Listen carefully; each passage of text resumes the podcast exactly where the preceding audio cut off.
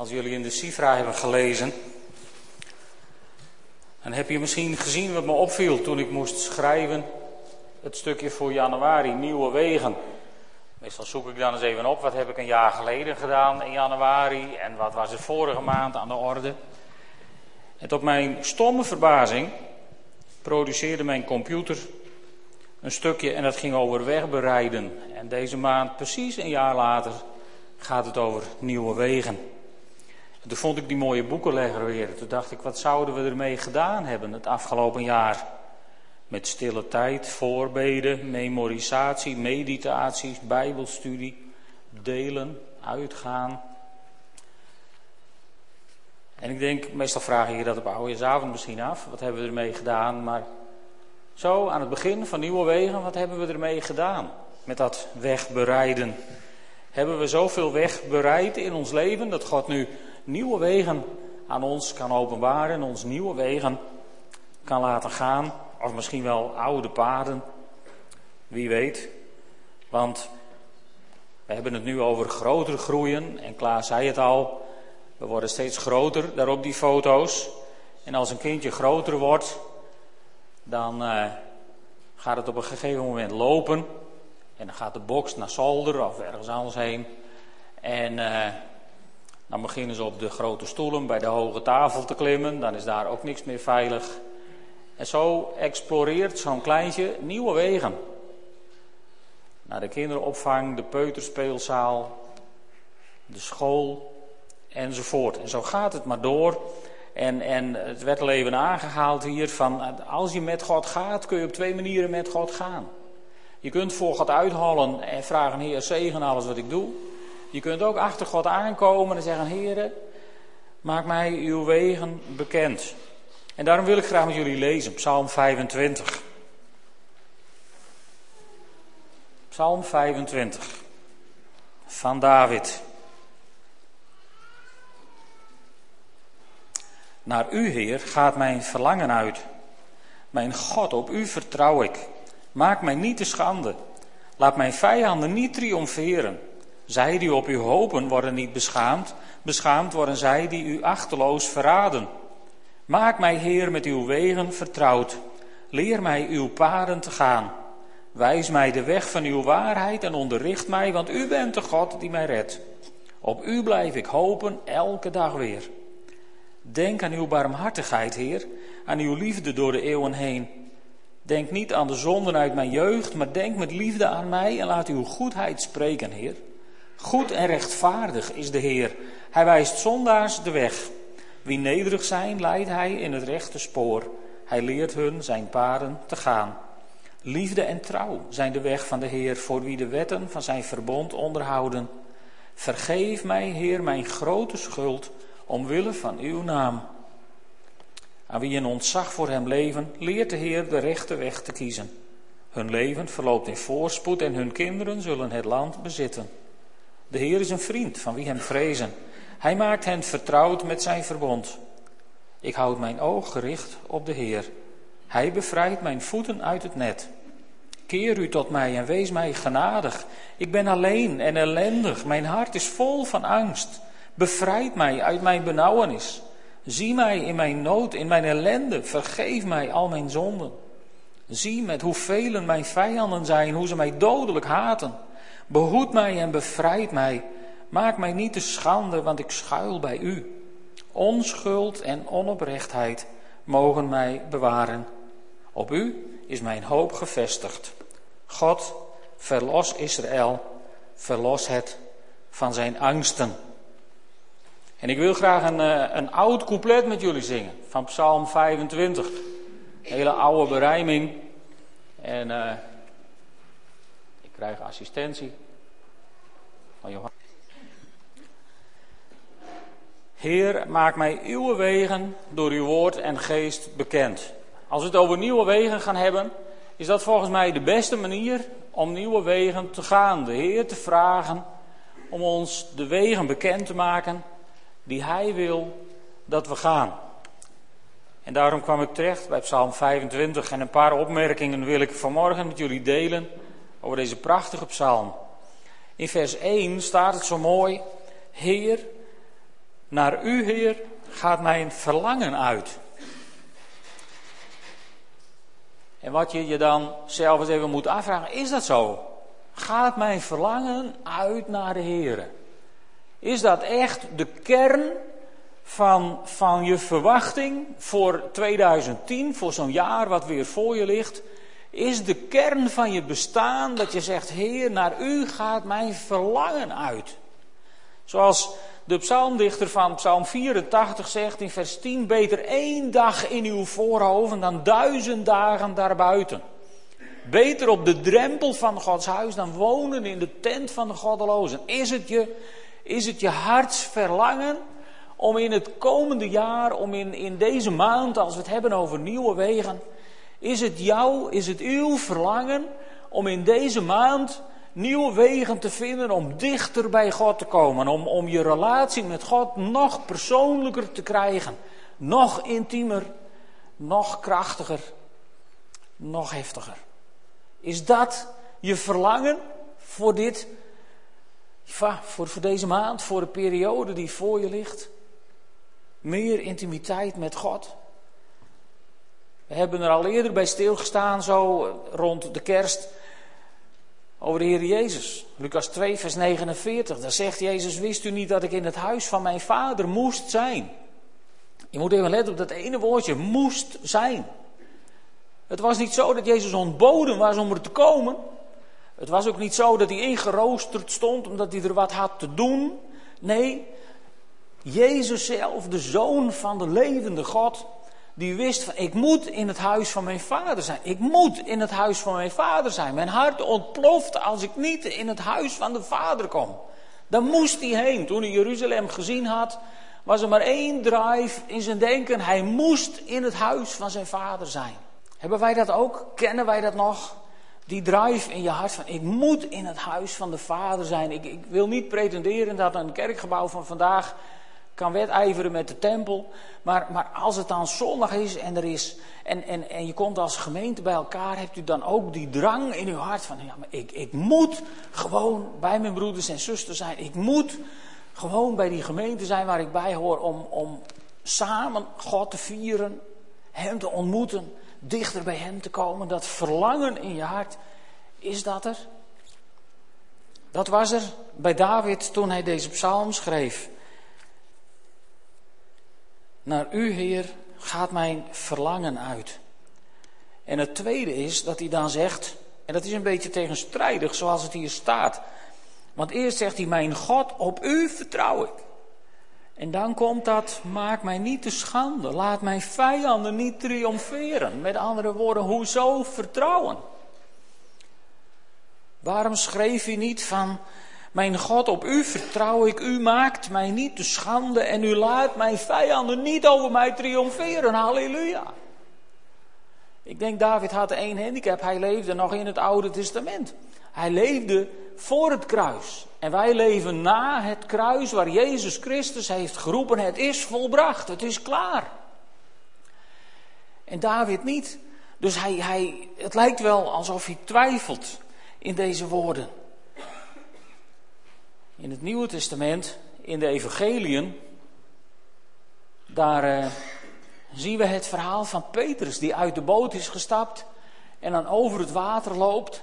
En dan plotseling, dan gaat hij twijfelen. Dan wordt hij zo'n Psalm 25, vers 2 figuur. Van, oh Heere, laat me niet verdrinken, help. En het mooie is, God zegt niet, ja, je twijfelt, helaas, pindakaas, pech gehad. Nee, die grijpt hem bij de hand en die zet hem weer op het water en samen lopen ze terug naar de boot. Maar hij zegt wel even tegen Petrus, kleingelovige, waarom heb je getwijfeld? Waarom heb je getwijfeld? Dus die koffer met twijfel, daar moet je af in je leven. Dat is niet zo makkelijk, want ja, wij zijn ook mensen van vlees en bloed en wij denken ook logisch na. En gelukkig is God niet logisch, dus doet hij de dingen niet altijd zoals wij verwachten. Hij doet ook niet altijd, laat ook niet altijd gebeuren waar wij bang voor zijn. Kleingelovige, waar ben je bang voor? En dan zegt hij in vers 3: Zij die op u hopen, worden niet beschaamd. Nee, beschaamd worden zij die u achterloos verraden. En weet je, het staat een paar keer in deze psalm het woord hoop of hopen. En, en dat zet ons, volgens mij, in Nederland een beetje op het verkeerde been. Want als iemand tegen mij zegt van nou je krijgt, het, het gaat zo en zo aflopen. Dan zeggen we nou ja, ik hoop het maar. En als we zeggen nou ja, ik hoop het maar. Dan drukken we daarmee eigenlijk een stukje twijfel uit. hoop en vertrouwen is in onze taal niet hetzelfde. Dat is, daar is verschil tussen ontstaan. Bij vertrouwen, dan, dan weet je als het ware zeker van zo gaat het komen. En bij hoop, nou ja, dan hoop je maar dat het zo gaat komen, maar dan kan het voor hetzelfde geld anders. En in wereldse situaties is dat natuurlijk prima, maar als het over God gaat en over de beloftes van God en over de kracht van God die altijd in een mensenleven aanwezig is, daar hoef je niet op te hopen, daar mag je op vertrouwen. Want Gods kracht is altijd aanwezig.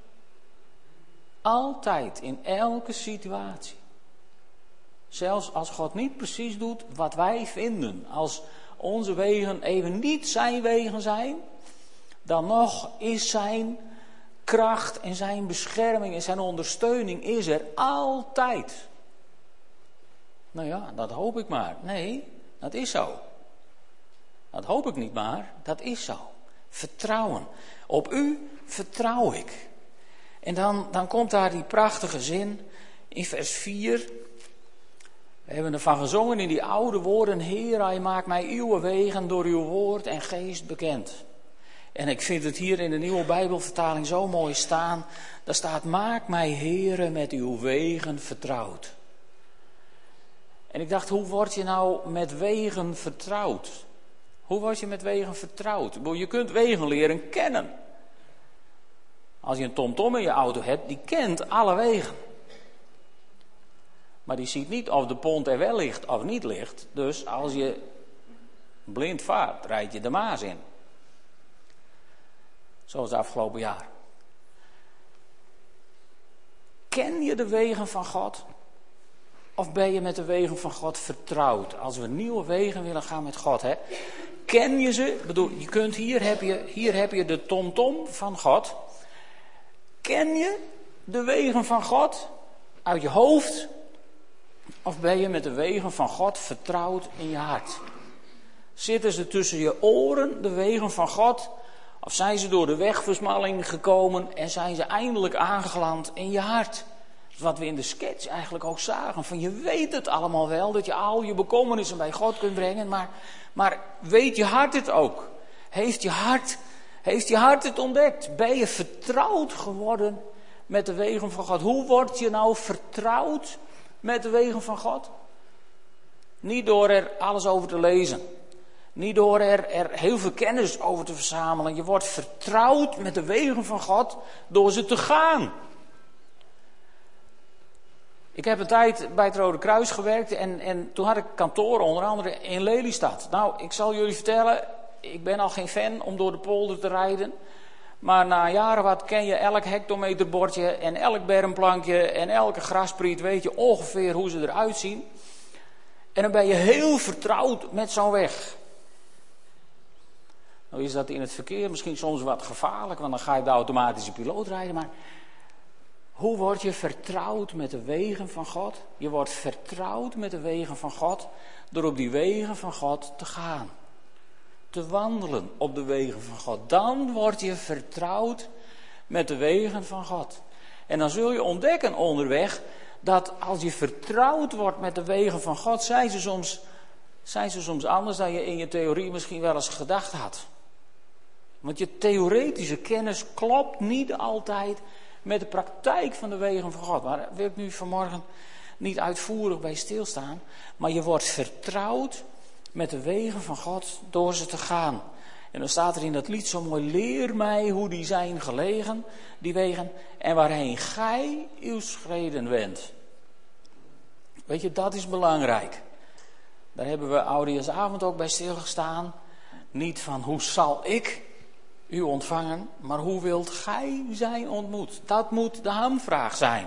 Leer mij hoe uw wegen zijn gelegen en waarheen gij uw schreden wendt. Laat me zien waar u heen gaat, zodat ik achter u aan kan. Dat is, denk ik, het cruciale punt als het gaat over nieuwe wegen. Want nieuwe wegen kunnen zo gemakkelijk dwaalwegen worden als je niet oppast. Nieuwe wegen kunnen je zo gemakkelijk op een, op een, op een, een, een verkeerd spoor brengen. Maar als je, als je gebed is aan het begin van die nieuwe wegen. Heere God, maak mij uw wegen door uw woord en geest bekend. Leer mij hoe die zijn gelegen en waarheen gij uw schreden bent. Als je God volgt, dan kunnen wegen nog zo nieuw zijn in je leven. Dan zullen het nooit verkeerde wegen zijn. En dat is denk ik de clue waar het hier om gaat, bij nieuwe wegen. En op die nieuwe wegen, ja, daar mag je God ook aanspreken op zijn kwaliteiten. In de sketch heb je de wanhoop een beetje gezien. En, en een beetje de vraag gezien van ja, God moet bijna persoonlijk antwoorden. En joh, dan heb ik vanmorgen geweldig nieuws voor je. God heeft persoonlijk geantwoord. God heeft persoonlijk geantwoord. En hij wil best nog een keer spreken tot je hart. Dat wil ik ook niet, niet, niet aan de kant schuiven. Maar hij heeft persoonlijk geantwoord. En, en, en de Bijbel zegt van alles over God. God is liefde, God is trouw, God is goed, God is vergevend, God is, nou, noem het maar op. En God is inderdaad ook rechtvaardig en soms is hij ook streng als wij volharden in verkeerde wegen. Maar de goedheid van God wordt in dit woord van God uitvoerig genoemd. En, en wat ik zo mooi vind hier, is dat, dat David God aanspreekt op zijn kwaliteiten. Weet je, ook wij mogen God aanspreken op zijn kwaliteiten. David zegt hier, denk aan uw barmhartigheid, Heer. Want uw woord zegt toch dat u barmhartig bent. Nou, denk aan uw barmhartigheid. En denk niet aan de zonden uit mijn jeugd. Maar denk met liefde aan mij en laat uw goedheid spreken, Heer. Daar staat zo'n mooie tekst over, die heb ik al heel lang af en toe ook op mijn studeerkamer hangen uit Sefania 3, vers 17. Hè. Dat gaat daar ook over. Daar staat de Heere, je God zal in je midden zijn. Die belofte heeft Jezus bevestigd. Waar twee of drie in mijn naam vergaderd zijn, ben ik in jullie midden. Nou, ik hoop het maar. Nee, dat is zo. Dat staat in het woord van God. En, en dan staat er, hij is de held die je bevrijdt. Daar staan we vandaag bij stil als we zometeen avondmaal vieren. Onze held heeft ons bevrijd. Halleluja. En dan staat er, hij zal vol blijdschap zijn, verheugd over jou. Over mij? Ja, het staat hier. Nou, ik hoop het maar. Nee, dat staat hier. Hij zal vol blijdschap zijn, verheugd over jou. Ja, deze tekst moet je heel groot uitprinten op je computer en dan moet je hem bovenop de spiegel plakken en dan moet je voor de spiegel gaan staan en je recht in de ogen kijken en zeggen, hij zal vol blijdschap zijn, verheugd over jou. Want dat staat hier. God is blij met je. En dan staat er, in zijn liefde zal hij zwijgen. En in zijn vreugde zal hij over je jubelen. Wat betekent dat? Dat betekent dat wij geen God hebben die op elk slakje zout legt. In zijn liefde zal hij zwijgen. En als je een keer miskleunt, dan zal God misschien het wijze hoofd wel eens even schudden daar op zijn troon. En misschien zal hij wel eens denken van, jongen, jongen, jongen, hoe bedenk je het? Maar hij zal zwijgen. Hij zal niet zeggen, ik heb het altijd wel gedacht. Ik heb het wel verwaagd. Nee, God zal zwijgen in zijn liefde. Omdat hij van je houdt, staat hij soms gewoon toe dat je eens even miskleunt. Maar ja, je hebt je geweten gekregen van God en je hebt de Heilige Geest die in je woont. En die wijst je dan wel, die overtuigt je van zonde, die overtuigt je van miskleunen. En dan kun je weer terug naar God. En dan zegt God niet, dan komt hij niet met een heel verhaal. Nee, dan zwijgt hij in zijn liefde. En op het moment dat je bij hem terugkomt, dan zal hij in zijn vreugde over je jubelen. Weet je, dat gebeurt er als een zondaar zich bekeert. Als iemand die, die, die, die er even helemaal naast heeft gezeten, terugkomt bij God. En zijn lasten brengt aan de voet van het kruis. Dan gaat God geen moeilijk verhaal met ons houden over alles wat er verkeerd is gegaan. Dat doen wij vaak, hè? dat noemen we dan, we moeten de dingen uitpraten. Daarmee bedoelen we meestal van, ik moet me gelijk nog even halen. Dat bedoelen we meestal. Dus het is de vraag of je dat altijd moet doen. Maar God, in zijn liefde, zwijgt God daarover. En in zijn blijdschap jubelt hij omdat je terug bent. Het lijkt wel op het verhaal van de verloren zoon. die jongen die komt, ik ben niet meer waard die zoon te heten. De vader heeft het niet eens gehoord, al dat gepraat van hem. Nee, die heeft zich alleen maar verheugd. Die heeft niet moeilijke verhalen gehouden over wat hij allemaal had uitgevreten en wat hij er allemaal door had gejaagd. Vader zweeg in zijn liefde en juichte, jubelde in zijn vreugde.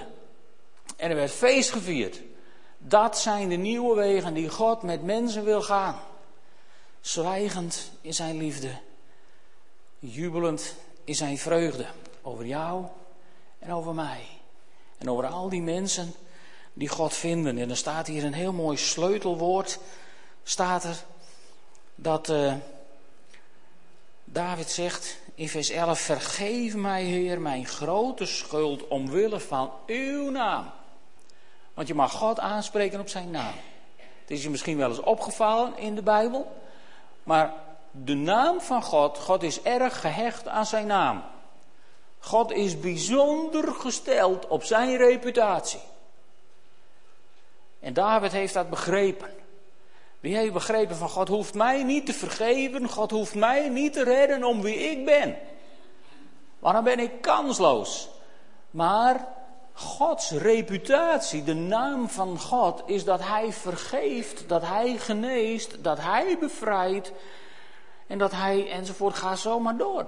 En daar mag je God op aanspreken en zeggen, Heer, maar om uw naams wil, opdat uw naam verheerlijkt wordt. En God is erg gesteld op zijn naam. Misschien doen wij dat wel te weinig. God is even herinneren aan zijn reputatie. En in de psalmen vind je het diverse keren. David was daar kennelijk heel vrijmoedig in om God aan te spreken op zijn naam. Om uw naams wil, Heer. En weet je, om zijn eigen naam hoog te houden, is God bereid om tot het uiterste, uiterste, uiterste dieptepunt te gaan. Om zijn naam hoog te houden, kwam God als mens naar deze wereld, stierf hij aan het kruis en stond hij op uit de dood, omdat de dood kansloos was tegen die geweldige macht van onze God. En zo heeft hij zijn naam voor eens en voor altijd even neergezet. Degene die de dood overwon. De God die met kracht in ons midden is gekomen omwille van zijn naam. En zeg je dan, en toch ben ik bang. Toch is er angst in mij. In vers 17, dan zegt David het ook. Mijn hart is vol angst. Bevrijd mij uit mijn benauwenis. En, en, weet je, dan zegt Jezus in het, in het evangelie tegen de vader van... Nou ga ik het moeilijk doen. Dan zegt Jezus in het evangelie tegen Jairus, die zijn dochter inmiddels is overleden. Wat zegt Jezus dan? Dan zegt hij, wees niet bang, geloof alleen. Vrees niet, geloof alleen. Wees niet bang, geloof alleen. Nou, ik hoop het maar. Nee, geloof alleen. Ik hoop het maar. Nee, geloven. Geloven. Jezus daagt nooit uit van nou, hoop het maar. Misschien wordt het wel wat. Nee, Jezus zegt, vrees niet, geloof alleen. En ze zal behouden worden, zegt hij er nog een keer achteraan. Of gered worden. Dus vrees niet. Vrees niet. Weet je, dat had David nog niet gehoord. Want Jezus was nog niet op deze wereld geweest. En daarom is David zo aangevallen door zijn angst. Wij worden misschien ook wel eens aangevallen door onze angst. Sommige mensen hebben daar last van. En, en daar kun je soms zo lang mee omworstelen. Maar eigenlijk is dit de sleuteltekst. Wees niet bang. Geloof. Geloof. Naar u verlang ik, op u vertrouw ik, op u is mijn hoop gevestigd, mijn zekerheid dat ik in uw hand geborgen ben. En dan is er geen plaats voor angst. En waarom kun je dan soms zo bang zijn? Nou, David zegt het hier in vers 19. Daar zegt hij: uh, Zie met hoeveel mijn vijanden zijn en hoe ze mij dodelijk haten. En dan zegt Paulus in Colossense 2, vers 15. Ik heb hem uit de NBG-vertaling even genomen, dan vind ik hem zo mooi. Wat zegt Paulus daar? Dan gaat het over Jezus. Hij zegt, Hij heeft de overheden en machten, Hij heeft de vijanden. Zie eens met hoeveel ze zijn. En dan zegt Paulus, ja, ze zijn met heel veel. Maar hij, hij heeft ze ontwapend. Hij heeft ze openlijk tentoongesteld. Met andere woorden, hij heeft ze voor gek gezet en hun onmacht aan de wereld bekendgemaakt. Want er is kracht in het bloed van het lam. En daarom heeft hij al die machten ontwapend en te kijk gezet. Van kijk eens, dit is het.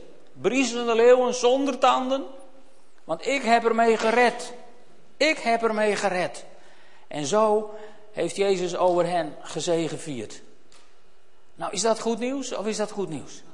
Jezus heeft de vijanden. Kijk eens met hoeveel ze zijn. Oh, en, en lieve mensen, als je, als je focus in je leven, als de duivel het voor elkaar krijgt om de focus in je leven te vestigen op alle machten die er zijn. Er zijn mensen die kennen, die kennen het hele rijk van de duisternis in alle rangen en standen. En, en er zijn er die berekenen precies op de computer hoeveel demonen er in een mens moeten zitten.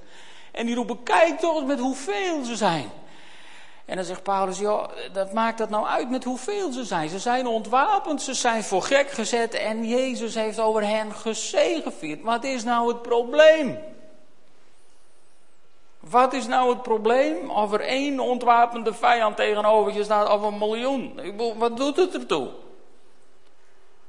Nee toch?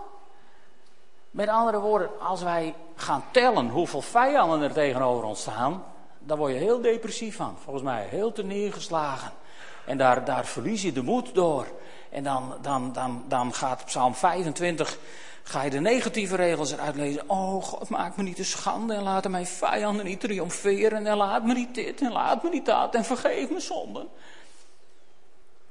Wij leven op deze wereld als kinderen naar Golgotha. Jezus kwam naar deze wereld. Hij kwam in een stal. Hij ging van de stal naar het kruis van het kruis naar het graf en hij is uit het graf weer opgestaan, opgevaren naar de hemel waar hij zit aan de rechterhand van de Vader, van waar hij komen zal om te oordelen de levenden en de doden. Oh help, hij komt om te oordelen. Nee, daar gaat het nu even niet om. Hij zit aan de rechterhand van de Vader. Met andere woorden, hij zit op de troon en hij trekt aan de touwtjes van dit universum, want hij bestuurt en hij regeert. En welke nieuwe wegen je ook gaat, lieve vrienden, als je eerste vraag aan God is, maak mij uw wegen door uw woord en geest bekend. Leer mij hoe die zijn gelegen en waarheen gij uw schreden wendt. Dan hoef je alleen maar achter God aan te wandelen. En dan kan hij je op de meest mooie, exotische nieuwe wegen brengen. Maar hij kan je ook op de meest mooie en exotische oude paden brengen van onze vaderen van vroeger. En dan maakt het je allemaal niet meer uit of het nu nieuw is of oud. Voor jou is het nieuw, omdat je er misschien nog niet eerder geweest bent. En zo kunnen de wegen van God vertrouwd voor je worden. En als de wegen vertrouwd zijn, voel je je veilig. Voel je je beschermd in die vaderhand van God. En dan sta je niet meer in het leven van nou ik hoop het maar. Nee, dan sta je in het leven, prijs de Heer. De weg is open, naar de Vader, naar elkaar. Dan sta je in het leven in die ene kracht. Er is kracht in het bloed van het lam. En wat zouden die vijanden nou die tegenover mij staan? Die zijn ontwapend en die zijn openlijk tentoongesteld. Want Christus heeft over hen gezegevierd. Amen.